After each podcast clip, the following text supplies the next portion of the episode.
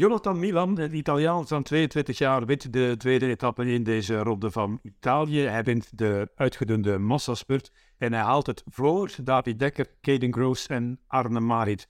José, dat zegt veel over de sprinters in deze Giro. Ja, dat zegt veel over de sprinters. Jammer van die valpartij natuurlijk, een paar sprinters die er niet bij waren. Maar uh, ja, nieuwe namen, nieuwe sprinters. En daar dient zo'n ronde van Italië voor. Met een man die, die nieuw is, maar ook helemaal niet nieuw is. En het peloton echt wel gekend is voor zijn geweldig lichaam. Meter 94, 85 kilogram. Dus eh, niet tegen beginnen boksen. En sprinten ook al niet blijkbaar. Nee.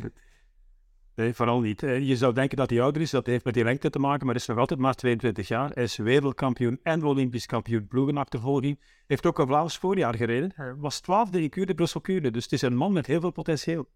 Ja, hij is 22 jaar. hè, 22 jaar. En we weten dat renners uit achtervolgingsploegen, dat dat wereldtoppers zijn. Wereldtoppers. Dus hij zal Ja. nu niet direct de Tour gaan winnen in navolging van Wingens en anderen. Maar eh, dat hem een succesvolle carrière tegemoet gaat, dat staat vast. Ja. Het feit dat er zoveel sprinters zijn die een etappe zouden kunnen winnen. Er zijn niet zoveel sprintersetappes, dat wel niet, maar er zijn veel mogelijke kandidaten om zo'n etappe te winnen. Eh, is dat goed nieuws voor de leider in de koers? Jawel, hè. Ja. We hebben vandaag de koers gezien. We hebben gezien dat er heel veel animo was om te werken, om, om mee te doen. Morgen wordt dat al iets anders, want dan krijg je op 30 kilometer van het einde een wat bergop. Daar zullen er misschien al een deel bij zijn die andere renners naar voren gaan sturen. En de, de klimmen, de iets wat beter klimmende sprinters, eh, misschien een, toch wel, dat denken we vooral aan Mats Petersen, en toch maar weer aan Groves, want die kan ook wel een bergje over. Eh, benieuwd of we morgen voor Milan, want Milan kan dat ook wel. Dat is echt wel een hele sterke kerel. Dus eh, ja, toch morgen weer rond sprinten, maar met een iets andere groep, denk ik. Ja, daar gaan we het straks over hebben, over morgen, José. Maar we gaan eerst nog eens naar die rit van vandaag. Je zag aan die tussensprinten ook dat er veel kandidaten waren om daar punten te pakken. Dus er zijn er ook veel die in het achterhoofd hebben. eh, we gaan de kansen op een mogelijke puntentrui toch maar proberen gaaf te houden. Eh, er zijn nogal wat kandidaten, maar er zijn ook eh, ja, gasten die vandaag een zeer slechte zaak doen. Ik denk aan Miss Pedersen, die misschien wel de topfavoriet was voor de puntentrui, maar vandaag niks pakte door die valpartij. Ja, één dag is op zich nog niet zo'n ramp. Er mogen natuurlijk niet zo'n paar dagen bij zijn. En er mag dan ook niet een sprinter opstaan die eh, alles gaat opkuisen, zoals dat in het verleden in de Giro geweest is met Demar en met anderen. Die drie, vier etappes winnen. Als je dat krijgt, dan wordt het natuurlijk een probleem. Maar het is dag één voor de sprinters. Ja, ik snap het wel, maar er zijn zo weinig sprinters kansen dat ook de klassementsmannen in aanmerking gaan komen voor die puntentrui. Dus je kan nog minder laten liggen dan anders. Ja, dat is het hem juist. Hè. Maar het is, eh, het is toch nog wachten. Hè. Het is wachten tot de volgende dagen. En we, we zien dat ze meedoen. We hebben vandaag een Gaviria gezien in het tussensprintje. Die gaat meedoen met Petersen en Matthews. Eh, dat zijn mannen, ja, zal zeker morgen Matthews en al zeker eh met Petersen. Ja. Heeft je hart één stelling staan op 3,4 kilometer van de streep? Daarvoor ook al. Daarvoor ook al. Die lange rechte weg. Ik heb, ik heb, dan heb ik zoiets van. Eh ga even van de kant. Ga ergens een eh, steegje in. Kom terug. Drie kilometer verder op de weg. En alles zit een beetje op een lint. Maar dat hele brede over die weg. Met vier, vijf ploegen naast elkaar. En druk zetten en druk zetten. Eh, ja, je zit dan naar, naar, eh, uiteraard naar de roze trui te kijken. Naar, eh, ja, naar Evenepoel, maar ook naar al die andere ploegen die komen. Ja, ik hou mijn hart vast. En uiteindelijk denk je, ja, we zijn er bijna. Hè, want hoe dichter die rotonde kwam, hoe dichter we het gevaar ontweken. Maar dat gebeurt op 3 kilometer 5, 3 kilometer 6. Dus ja, jammer. Ja, eh, jammer. Er werd ook met een beschuldigende vinger even gewezen naar Caden Groves. We hebben die ja, fase opnieuw herbekeken. Eh, en dan zie je dat Groves er eigenlijk weinig mee te maken heeft. Hè? Ja, denken we wel, hè. Denken we wel. We hebben het eh, met 35 vergrootglazen proberen bekijken, maar er was geen enkele bij dat echt super, super duidelijk was. Dus we denken dat het toch nog, nog iemand anders is geweest. Remco Evenepoel, dacht Ja. ik, had gezegd van, ik ken de schuldige. Ja, die, eh, die alludeerde op Groves, dacht ik, rit. Het is, het is alleen doodjammer dat het gebeurt. En vooral omdat er een paar, en dat kon niet anders natuurlijk, dat er een paar klassementsmannen bij zijn die daarom niet zwaar gevallen zijn, maar toch een beetje tijd verliezen.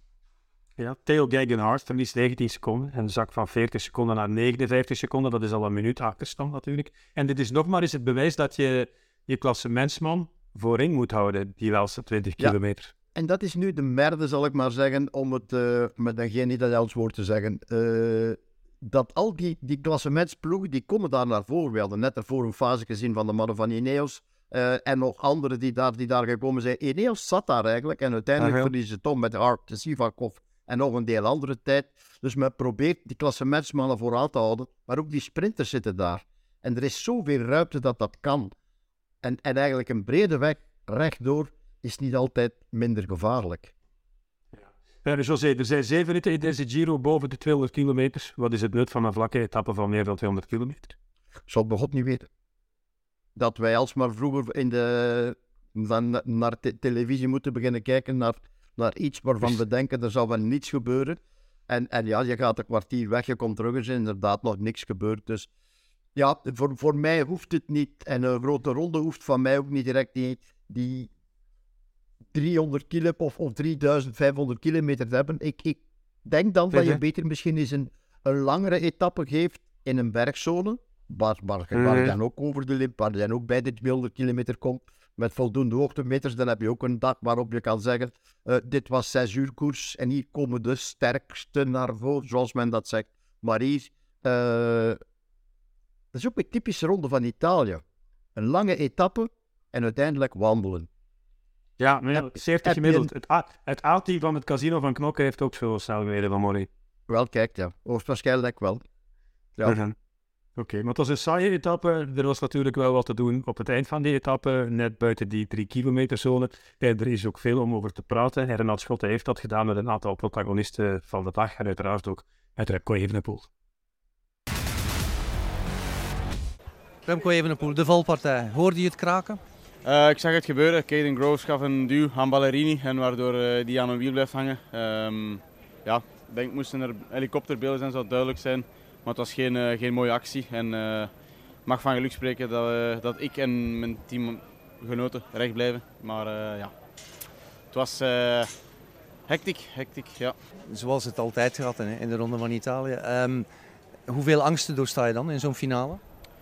Eh, je mag geen angst hebben, want je moet vechten voor je plek. En eh, dat hebben we weer heel goed gedaan vandaag. Van, eh, van het moment dat het nerveus werd, zaten we van voor en zijn we er niet meer weggedrumd geweest. Ehm, maar ik was tegen ja, de jong- jongens als Czerny, Cataneo en Ballerini houden me dan van voor. Dat is, hun, job. En ehm, ik had hen gevraagd om vanaf kilometer, het bord van de laatste drie kilometer, dan van die eerste rijen te verdwijnen en de kans te geven aan de sprinters. Want ik wil die man ook niet in de weg rijden. Dus ehm, ja, je mag eigenlijk gewoon geen angsten hebben. En, eh, ik ben blij dat ik veel stappen daarin heb gezet, dat ik eh, mijn, beter mijn plek vind. Hoe bijzonder was je eerste dag in de roze trui?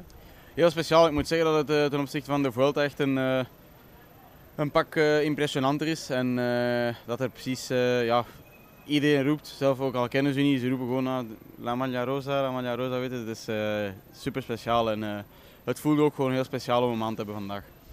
José, je blikte daar net al even vooruit op de etappe van morgen. Het is een etappe van Vasto naar Melfi. We gaan weer boven de 200 kilometer, 216 kilometer.